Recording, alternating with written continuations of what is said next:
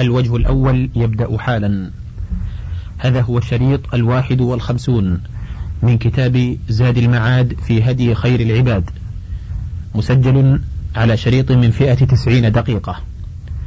نواصل القراءة في حكم رسول الله صلى الله عليه وسلم في الإيلاء. قال عبد الله بن مسعود وزيد بن ثابت إذا مضت أربعة أشهر ولم يفئ فيها طلقت منه بمضيها. وهذا قول جماعة من التابعين وقول أبي حنيفة وأصحابه فعند هؤلاء يستحق المطالبة قبل مضي الأربعة أشهر فإن فاء وإلا طلقت بمضيها وعند الجمهور لا يستحق المطالبة حتى تمضي الأربعة الأشهر فحينئذ يقال إما أن تفيء وإما أن تطلق وإن لم يفئ أخذ بإيقاع الطلاق إما بالحاكم وإما بحبسه حتى يطلق. قال الموقعون للطلاق بمضي المدة.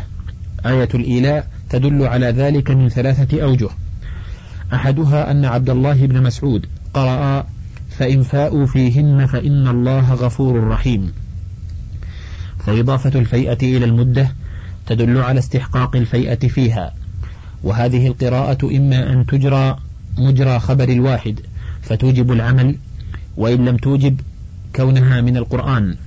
وإما أن تكون قرآنا نسخ لفظه وبقي حكمه لا يجوز فيها غير هذا البتة.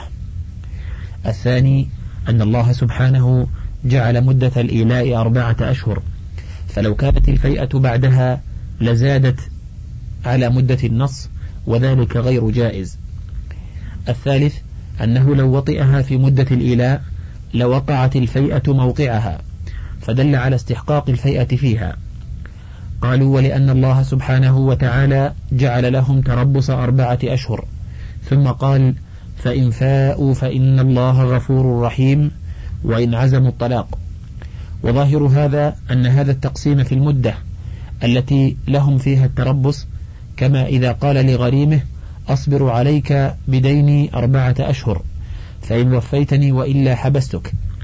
ولا يفهم من هذا إلا إن وفيتني في هذه المدة ولا يفهم منه إن وفيتني بعدها وإلا كانت مدة الصبر أكثر من أربعة أشهر وقراءة ابن مسعود صريحة في تفسير الفيئة بأنها في المدة وأقل مراتبها أن تكون تفسيرا قالوا ولأنه أجل مضروب للفرقة فتعقبه الفرقة كالعدة وكالأجل الذي ضرب لوقوع الطلاق كقوله إذا مضت أربعة أشهر فأنت طالق. قال الجمهور لنا من آية الإيلاء عشرة أدلة. أحدها أنه أضاف مدة الإيلاء إلى الأزواج وجعلها لهم ولم يجعلها عليهم. فوجب أن لا يستحق المطالبة فيها بل بعدها كأجل الدين. ومن أوجب المطالبة فيها لم يكن عنده أجلا لهم ولا يعقل كونها أجلا لهم ويستحق عليهم فيها المطالبة. الدليل الثاني قوله فإن فاءوا فإن الله غفور رحيم. فذكر الفيئة بعد المدة بفاء التعقيب وهذا يقتضي أن يكون بعد المدة. ونظيره قوله سبحانه الطلاق مرتان فإمساك بمعروف أو تسريح بإحسان. وهذا بعد الطلاق قطعا. فإن قيل فاء التعقيب توجب أن يكون بعد الإيلاء لا بعد المدة. قيل قد تقدم في الآية ذكر الإيلاء ثم تلاه ذكر المدة ثم أعقبها بذكر الفيئة. فإذا أوجبت الفاء التعقيب بعدما تقدم ذكره لم يجز أن يعود إلى أبعد المذكورين ووجب عودها إليهما أو إلى أقربهما. الدليل الثالث قوله وإن عزموا الطلاق وإنما العزم ما عزم العازم على فعله كقوله تعالى ولا تعزموا عقدة النكاح حتى يبلغ الكتاب أجله. فإن قيل فترك الفيئة عزم على الطلاق قيل العزم هو إرادة جازمة لفعل المعزوم عليه أو تركه وأنتم توقعون الطلاق بمجرد مضي المدة وإن لم يكن منه عزم لا على وطء ولا على تركه بل لو عزم على الفيئة ولم يجامع طلقتم عليه بمضي المدة ولم يعزم الطلاق فكيفما قدرتم فالآية حجة عليكم. الدليل الرابع أن الله سبحانه خيره في الآية بين أمرين الفيئة أو الطلاق والتخير بين أمرين لا يكون إلا في حالة واحدة كالكفارات. ولو كان في حالتين لكان ترتيبا لا تخييرا وإذا تقرر هذا فالفيئة عندكم في نفس المدة وعزم الطلاق بانقضاء المدة فلم يقع التخيير في حالة واحدة. فإن قيل هو مخير بين أن يفيء في المدة وبين أن يترك الفيئة فيكون عازما للطلاق بمضي المدة. قيل ترك الفيئة لا يكون عزما للطلاق وإنما يكون عزما عندكم إذا انقضت المدة. فلا يتأتى التخيير بين عزم الطلاق وبين الفيئة البتة. فإنه بمضي المدة يقع الطلاق عندكم فلا يمكنه الفيئة وفي المدة يمكنه الفيئة ولم يحضر وقت عزم الطلاق الذي هو مضي المدة وحينئذ فهذا دليل خامس مستقل. الدليل السادس أن التخيير بين أمرين يقتضي أن يكون فعلهما إليه ليصح منه اختيار فعل كل منهما وتركه. وإلا لبطل حكم خياره ومضي المدة ليس إليه. الدليل السابع أنه سبحانه قال وإن عزموا الطلاق فإن الله سميع عليم. فاقتضى أن يكون الطلاق قولا يسمع ليحسن ختم الآية بصفة السمع. الدليل الثامن أنه لو قال لغريمه لك أجل أربعة أشهر فإن وفيتني قبلت منك وإن لم توفني حبستك. كان مقتضاه أن الوفاء والحبس بعد المدة لا فيها ولا يعقل المخاطب غير هذا. فإن قيل ما نحن فيه نظير قوله لك الخيار ثلاثة أيام فإن فسخت البيع وإلا لزمك. ومعلوم أن الفسخ إنما يقع في الثلاث لا بعدها. قيل هذا من أقوى حججنا عليكم فإن موجب العقد اللزوم فجعل له الخيار في مدة ثلاثة أيام. فإذا انقضت ولم يفسخ عاد العقد إلى حكمه وهو اللزوم. وهكذا الزوجة لها حق على الزوج في الوطء كما له حق عليها. قال تعالى ولهن مثل الذي عليهن بالمعروف فجعل له الشارع امتناع أربعة أشهر لا حق لها فيهن. فإذا انقضت المدة عادت على حقها بموجب العقد وهو المطالبة لا وقوع الطلاق وحينئذ فهذا دليل تاسع مستقل. الدليل العاشر أنه سبحانه جعل للمؤلين شيئا وعليهم شيئين. فالذي لهم تربص المدة المذكورة والذي عليهم إما الفيئة وإما الطلاق. وعندكم ليس عليهم إلا الفيئة فقط وأما الطلاق فليس عليهم بل ولا إليهم وإنما هو إليه سبحانه عند انقضاء المدة. فيحكم بطلاقها عقيب انقضاء المدة شاء أو أبى. ومعلوم أن هذا ليس إلى المؤلي ولا عليه وهو خلاف ظاهر النص. قالوا ولأنها يمين بالله تعالى توجب الكفارة فلم يقع بها الطلاق كسائر الأيمان. ولأنها مدة قدرها الشرع لم تتقدمها الفرقة فلا يقع بها بينونة كأجل العنين ولأنه لفظ لا يصح أن يقع به الطلاق المعجل فلم يقع به المؤجل كالظهار. ولأن الإيلاء كان طلاقا في الجاهلية فنسخ كالظهار. فلا يجوز أن يقع به الطلاق لأنه استيفاء للحكم المنسوخ ولما كان عليه أهل الجاهلية. قال الشافعي كانت الفرق الجاهلية تحلف بثلاثة أشياء بالطلاق والظهار والإيلاء.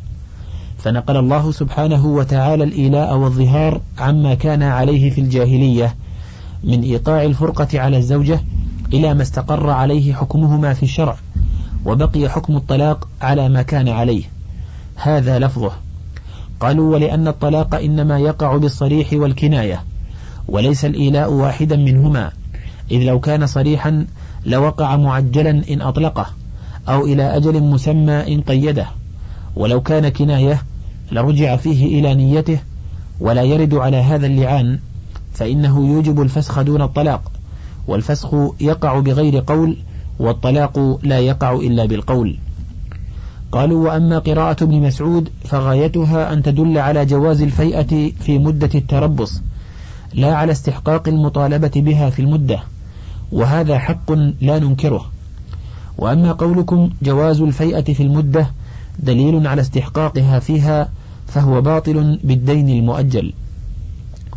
وأما قولكم إنه لو كانت الفيئة بعد المدة لزادت على أربعة أشهر فليس بصحيح لأن الأربعة الأشهر مدة لزمن الصبر الذي لا يستحق فيه المطالبة فبمجرد انقضائها يستحق عليها الحق فلها أن تعجل المطالبة به وإما أن تنظره وهذا كسائر الحقوق المعلقة بآجال معدودة إنما تستحق عند انقضاء آجالها ولا يقال إن ذلك يستلزم الزيادة على الأجل فكذا أجل الإيلاء سواء.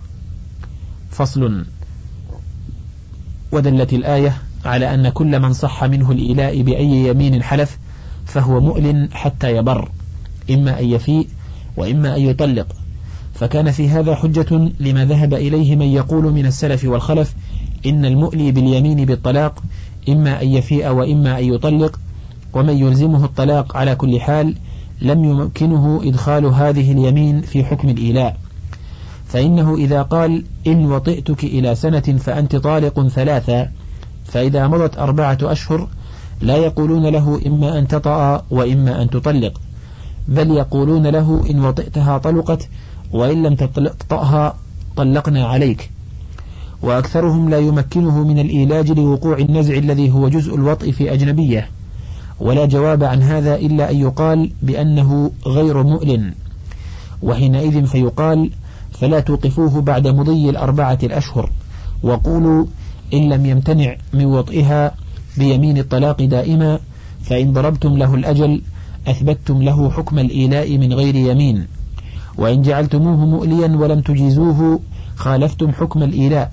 وموجب النص فهذا بعض حجج هؤلاء على منازعيهم. فإن قيل فما حكم هذه المسألة؟ وهي إذا قال إن وطئتك فأنت طالق ثلاثة.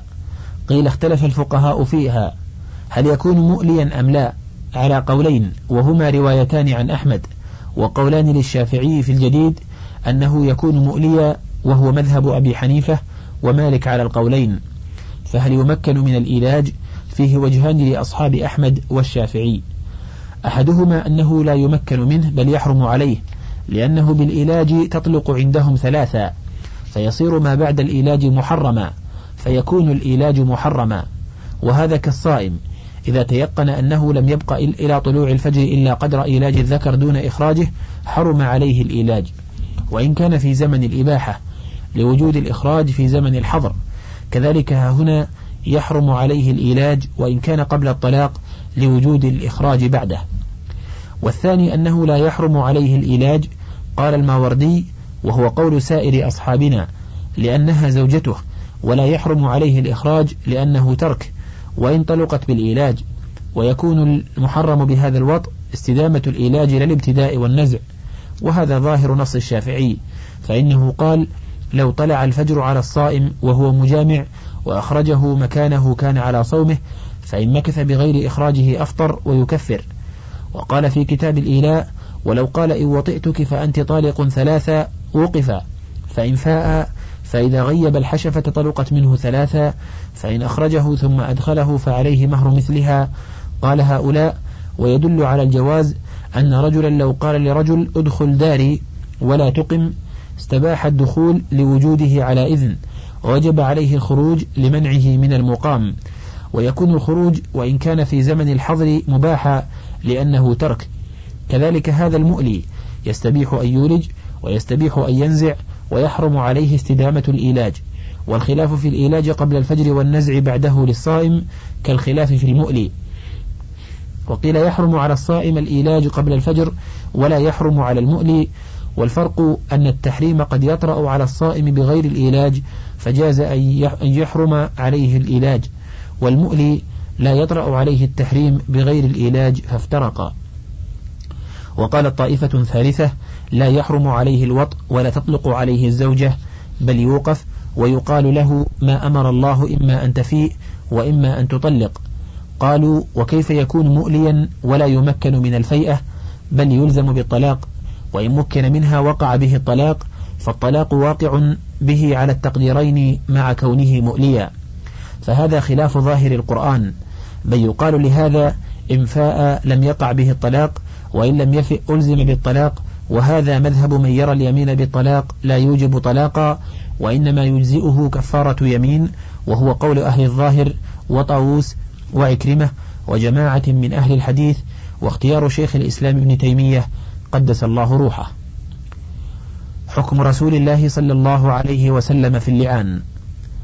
قال تعالى والذين يرمون أزواجهم ولم يكن لهم شهداء إلا أنفسهم فشهادة أحدهم أربع شهادات بالله إنه لمن الصادقين.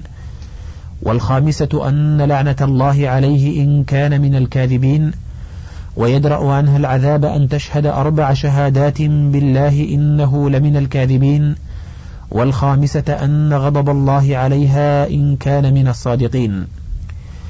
وثبت في الصحيحين من حديث سهل بن سعد أن عويمرا العجلاني قال لعاصم بن عدي أرأيت لو أن رجلا وجد مع امرأته رجلا أيقتله فتقتلونه؟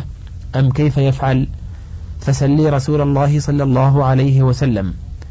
فسأل رسول الله صلى الله عليه وسلم فكره رسول الله صلى الله عليه وسلم المسائل وعابها حتى كبر على عاصم ما سمع من رسول الله صلى الله عليه وسلم. ثم إن عويمرا سأل رسول الله صلى الله عليه وسلم عن ذلك فقال قد نزل فيك وفي صاحبتك فاذهب فأت بها فتلاعنا عند رسول الله صلى الله عليه وسلم. فلما فرغ قال كذبت عليها يا رسول الله إن أمسكتها. فطلقها ثلاثا قبل أن يأمره رسول الله صلى الله عليه وسلم. قال الزهري فكانت تلك سنة المتلاعنين. قال سهل وكانت حاملا وكان ابنها ينسب إلى أمه ثم جرت السنة أن يرثها وترث منه ما فرض الله لها.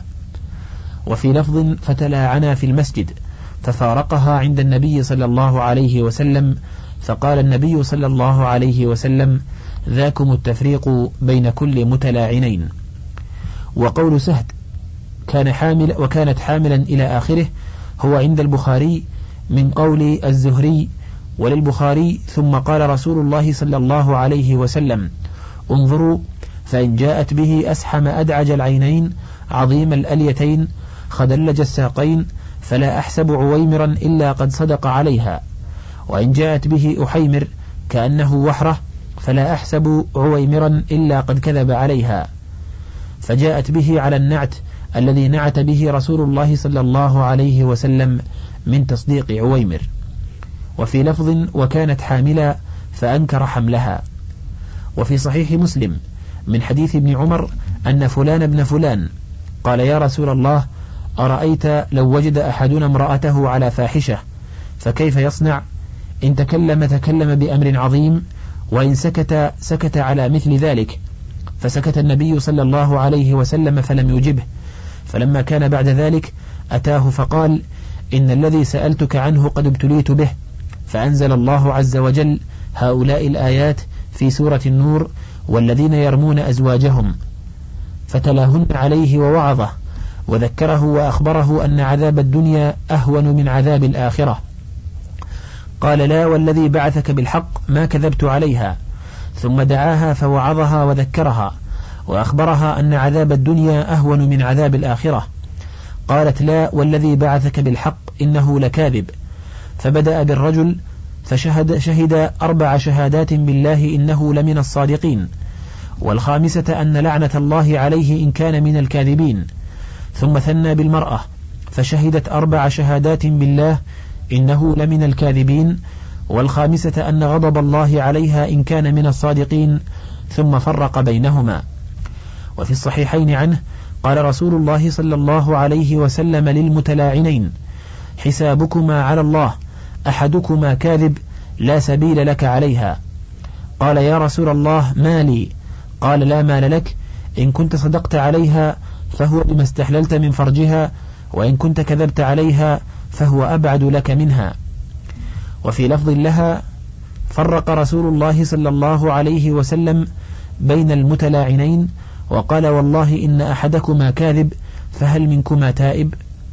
وفيهما عنه أن رجلا لاعن على عهد رسول الله صلى الله عليه وسلم ففرق رسول الله صلى الله عليه وسلم بينهما وألحق الولد بأمه.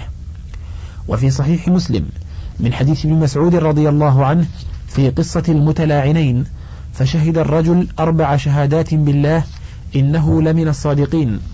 ثم لعن الخامسة أن لعنة الله عليه إن كان من الكاذبين فذهبت لتلعن فقال لها رسول الله صلى الله عليه وسلم مه!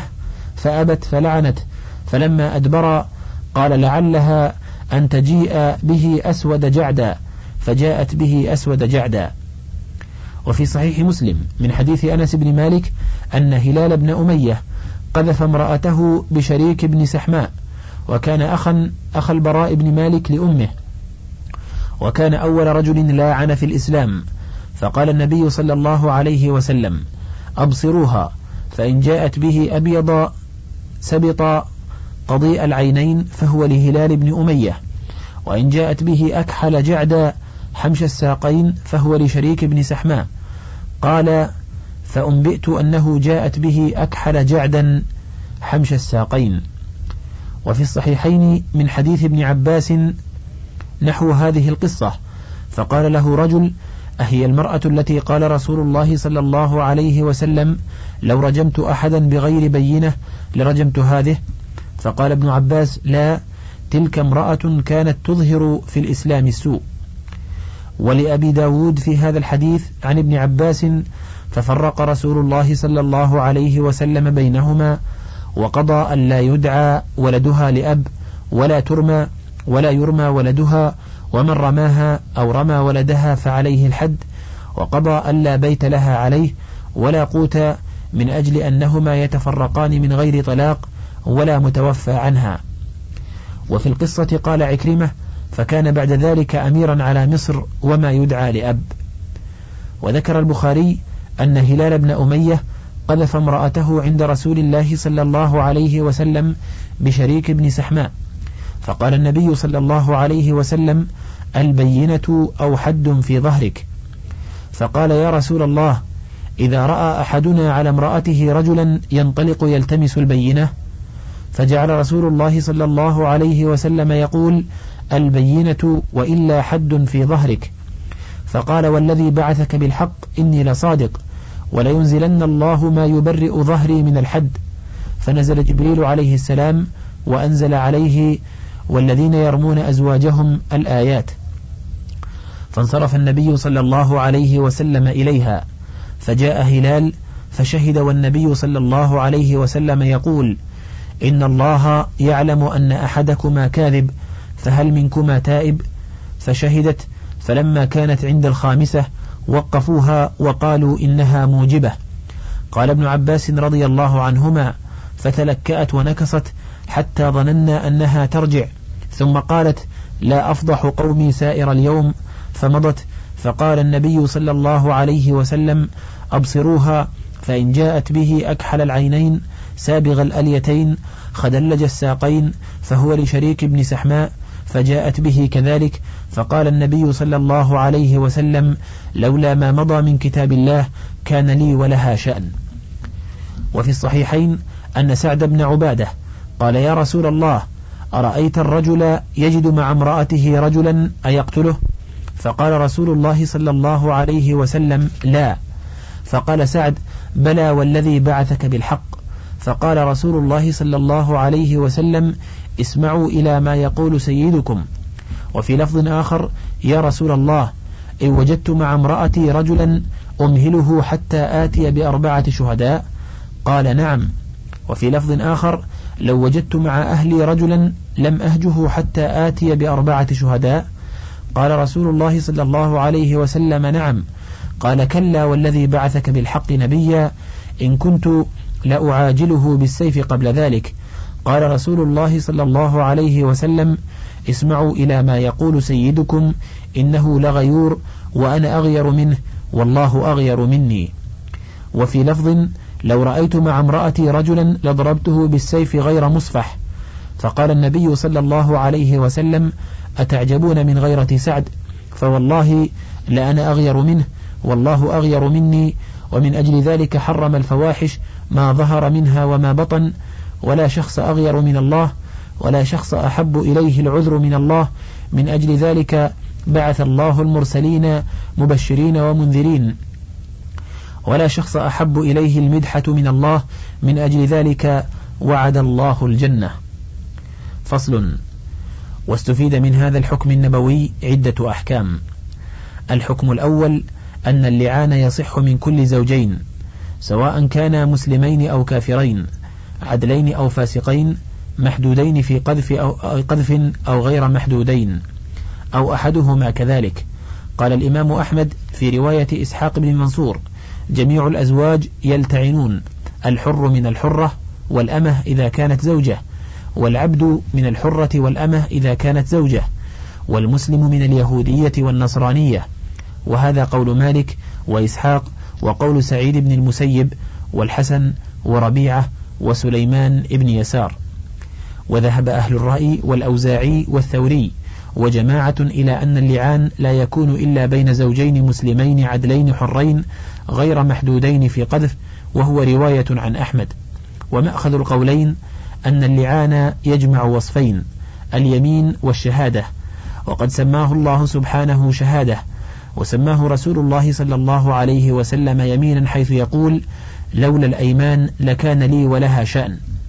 فمن غلب عليه حكم الأيمان قال يصح من كل من يصح يمينه. قالوا ولعموم قوله تعالى والذين يرمون أزواجهم. قالوا وقد سماه رسول الله صلى الله عليه وسلم يمينا. قالوا ولأنه مفتقر إلى اسم الله وإلى ذكر القسم المؤكد وجوابه. قالوا ولأنه يستوي فيه الذكر والأنثى بخلاف الشهادة. قالوا ولو كان شهادة لما تكرر لفظه بخلاف اليمين فإنه قد يشرع فيه التكرار كأيمان القسامة. قالوا ولأن حاجة الزوج التي لا تصح منه الشهادة إلى اللعان ونفي الولد كحاجة من تصح شهادته سواء. والأمر الذي ينزل به مما يدعو إلى اللعان كالذي ينزل بالعدل الحر. والشريعة لا ترفع ضرر أحد النوعين ولا تجعل له فرجا ومخرجا مما نزل به. وتدع النوع الآخر في الآصار والأغلال لا فرج له مما نزل به ولا مخرج. بل يستغيث فلا يغاث ويستجير فلا يجار. إن تكلم تكلم بأمر عظيم وإن سكت سكت على مثله قد ضاقت عنه الرحمة التي وسعت من تصح شهادته. وهذا تأباه الشريعة الواسعة الحنيفية السمحة. قال الآخرون قال الله تعالى والذين يرمون أزواجهم ولم يكن لهم شهداء إلا أنفسهم. فشهادة أحدهم أربع شهادات بالله وفي الآية دليل من ثلاثة أوجه. أحدها أنه سبحانه استثنى أنفسهم من الشهداء وهذا استثناء متصل قطعا ولهذا جاء مرفوعا. والثاني أنه صرح بأن التعانهم شهادة ثم زاد سبحانه هذا بيانا فقال ويدرأ عنها العذاب أن تشهد أربع شهادات بالله إنه لمن الكاذبين. والثالث أنه جعله بدلا من الشهود وقائما مقامهم عند عدمهم. قالوا وقد روى عمرو بن شعيب عن أبيه عن جده أن النبي صلى الله عليه وسلم قال لا لعان بين مملوكين ولا كافرين ذكره أبو عمر ابن عبد البر في التمهيد. وذكره الدار قطني من حديثه أيضا عن أبيه عن جده مرفوعا أربعة ليس بينهم لعان ليس بين الحر والأمة لعان وليس بين الحرة والعبد لعان وليس بين المسلم واليهودية لعان وليس بين المسلم والنصرانية لعان وذكر عبد الرزاق في مصنفه عن ابن شهاب قال من وصية النبي صلى الله عليه وسلم لعتاب بن أسيد ألا لعان بين أربع فذكر معناه. قالوا ولأن اللعان جعل بدل الشهادة وقائما مقامها عند عدمها فلا يصح إلا ممن تصح منه. ولهذا تحد المرأة بلعان الزوج ونكوله ونكولها تنزيلا للعانة منزلة أربعة شهود. تنزيلا للعانه منزلة أربعة شهود. قالوا وأما الحديث لولا ما مضى من الأيمان لكان لي ولها شأن فالمحفوظ فيه لولا ما مضى من كتاب الله. هذا لفظ البخاري في صحيحه.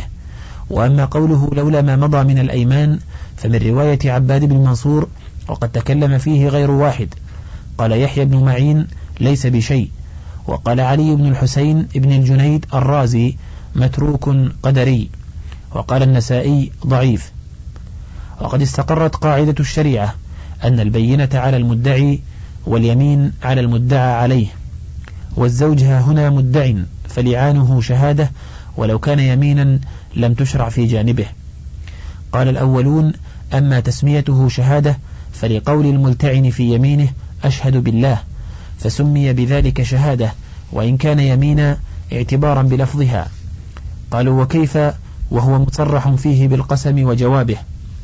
وكذلك لو قال أشهد بالله إن عقدت يمينه بذلك سواء نوى اليمين أو أطلق. والعرب تعد ذلك يمينا في لغتها واستعمالها. قال قيس فأشهد عند الله أني أحبها فهذا لها عندي فما عندها لي وفي هذا حجة لمن قال إن قوله أشهد تنعقد به اليمين ولو لم يقل بالله. كما هو إحدى الروايتين عن أحمد.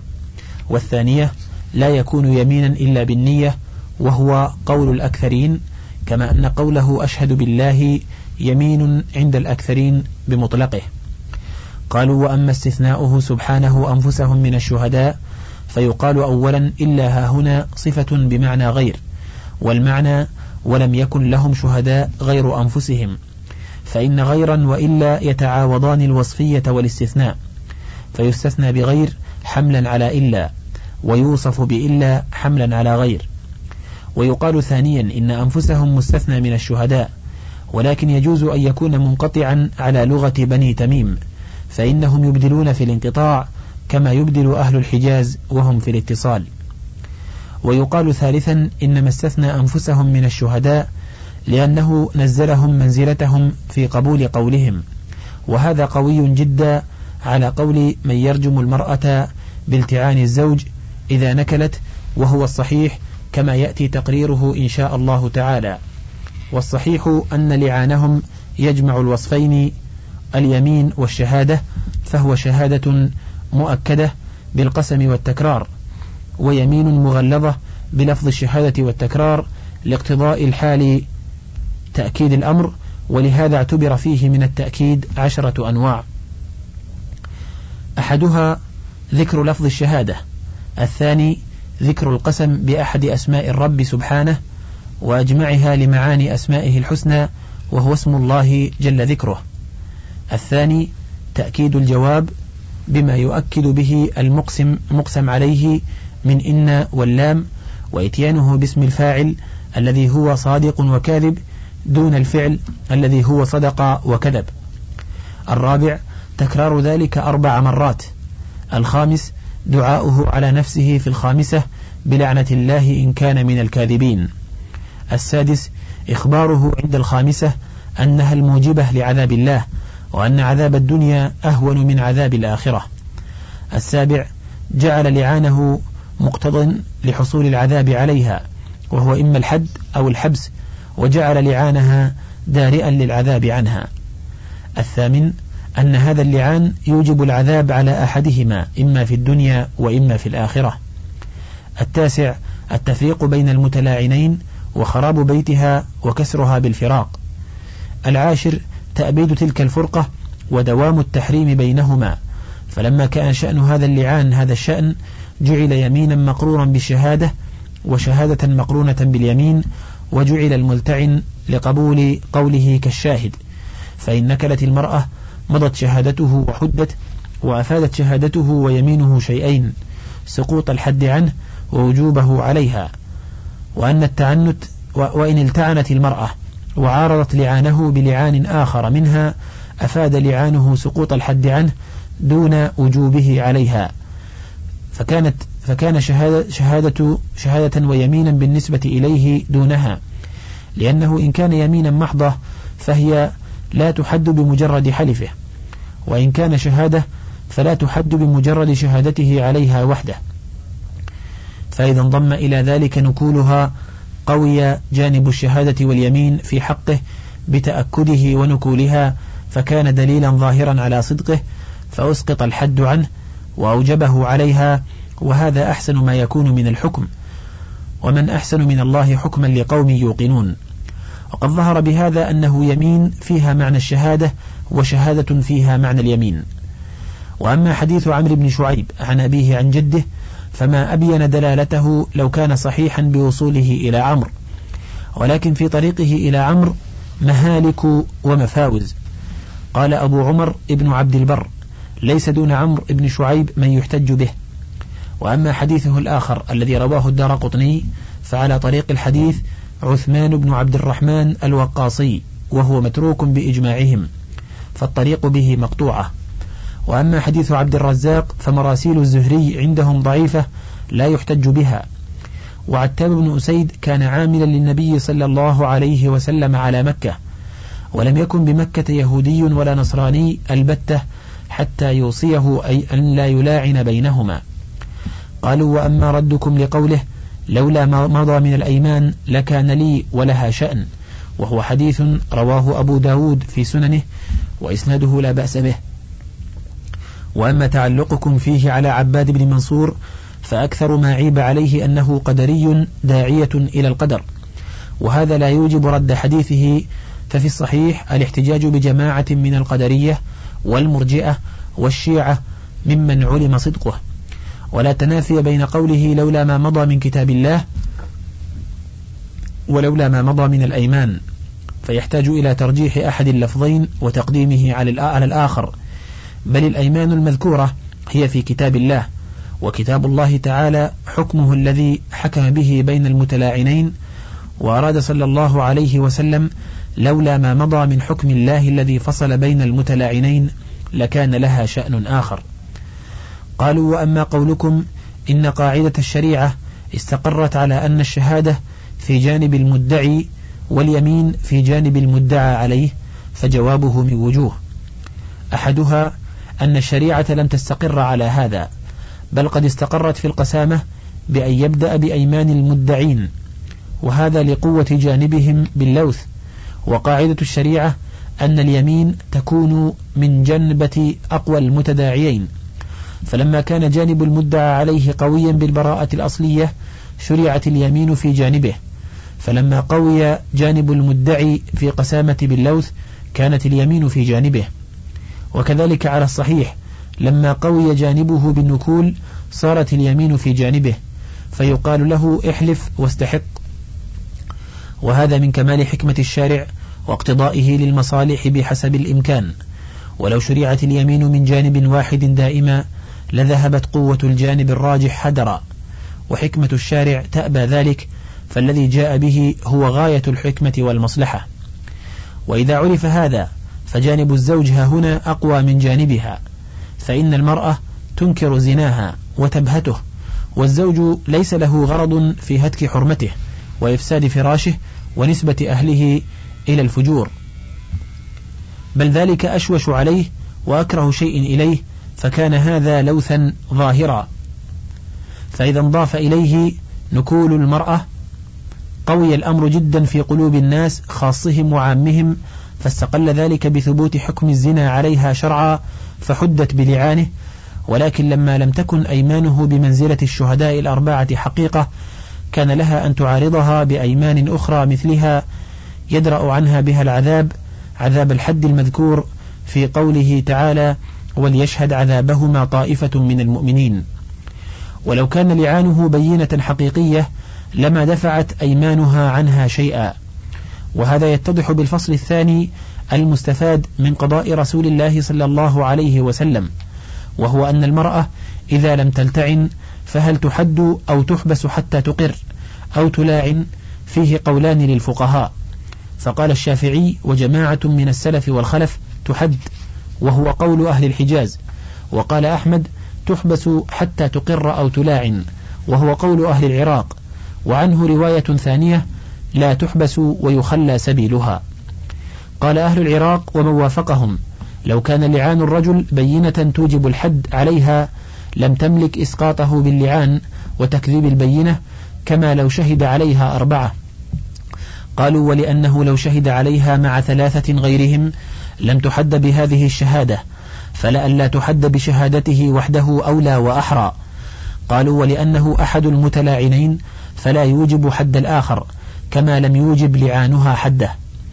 قالوا وقد قال النبي صلى الله عليه وسلم البينة على المدعي ولا ريب أن الزوج ها هنا مدع قالوا ولأن موجب لعانه إسقاط الحد عن نفسه لا إيجاب الحد عليها ولهذا قال النبي صلى الله عليه وسلم البينة وإلا حد في ظهرك. فإن موجب قذف الزوج كموجب قذف الأجنبي وهو الحد. فجعل الله سبحانه له طريقا إلى التخلص منه باللعان. وجعل طريقة إقامة الحد على المرأة أحد أمرين إما أربعة شهود أو اعتراف أو الحبل عند من يحد به من الصحابة كعمر بن الخطاب ومن وافقه وقد قال عمر بن الخطاب على منبر رسول الله صلى الله عليه وسلم والرجم واجب على كل من زنى من الرجال والنساء إذا كان محصنا إذا قامت بينة أو كان الحبل أو الاعتراف. وكذلك قال علي رضي الله عنه فجعل طريق الحد ثلاثة لم يجعلا فيها اللعان. قالوا وأيضا فهذه لم يتحقق زناها فلا يجب عليها الحد لأن تحقق زناها إما أن يكون بلعان الزوج وحده لأنه لو تحقق به لم يسقط بلعانها الحد ولما وجب بعد ذلك حد على قاذفها. ولا يجوز أن يتحقق بنكولها أيضا لأن الحد لا يثبت بالنكول فإن الحد يدرأ بالشبهات فكيف يجب بالنكول؟ فإن النكول يحتمل أن يكون لشدة خفرها أو لعقلة بلسانها أو لدهشها في ذلك المقام الفاضح المخزي. أو لغير ذلك من الأسباب فكيف يثبت الحد الذي اعتبر في بينة من العدد ضعف ما اعتبر في سائر الحدود؟ وفي إقراره أربع مرات بالسنة الصحيحة الصريحة واعتبر في كل من الإقرار والبينة أن يتضمن وصف الفعل والتصريح به مبالغة في الستر ودفعا لإثبات الحد بأبلغ الطرق وآكدها. وتوسلا إلى إسقاط الحد بأدنى شبهة فكيف يجوز أن يقضي فيه بالنكول. الذي هو في نفسه شبهة لا يقضى به في شيء من الحدود والعقوبات البتة ولا فيما عدا الأموال. قالوا والشافعي رحمه الله تعالى لا يرى القضاء بالنكول في درهم فما دونه ولا في أدنى تعزير فكيف يقضى به في أعظم الأمور وأبعدها ثبوتا وأسرعها سقوطا ولأنها لو أقرت بلسانها ثم رجعت لم يجب عليها الحد فلئلا يجب بمجرد امتناعها من اليمين على براءتها أولى. وإذا ظهر أنه لا تأثير لواحد منهما في تحقق زناها لم يجز أن يقال بتحققه بهما لوجهين. أحدهما أن ما في كل واحد منهما من الشبهة لا يزول بضم أحدهما إلى الآخر. كشهادة مئة فاسق فإن احتمال نكولها لفرط حيائها وهيبة ذلك المقام والجمع وشدة الخفر وعجزها عن النطق وعقلة لسانها لا يزول بلعان الزوج ولا بنكولها. الثاني أن ما لا يقضى فيه باليمين المفردة لا يقضى فيه باليمين مع النكول كسائر الحقوق. قالوا وأما قوله تعالى ويدرأ عنها العذاب أن تشهد فالعذاب ها هنا يجوز أن يراد به الحد وأن يراد به الحبس والعقوبة المطلوبة فلا يتعين إرادة الحد به فإن الدال على المطلق لا يدل على المقيد إلا بدليل من خارج وأدنى درجات ذلك الاحتمال فلا يثبت الحد مع قيامه وقد يرجح هذا بما تقدم من قول عمر وعلي رضي الله عنهما إن الحد إنما يكون بالبينة أو الاعتراف أو الحبل. ثم اختلف هؤلاء فيما يصنع بها إذا لم تلاعن.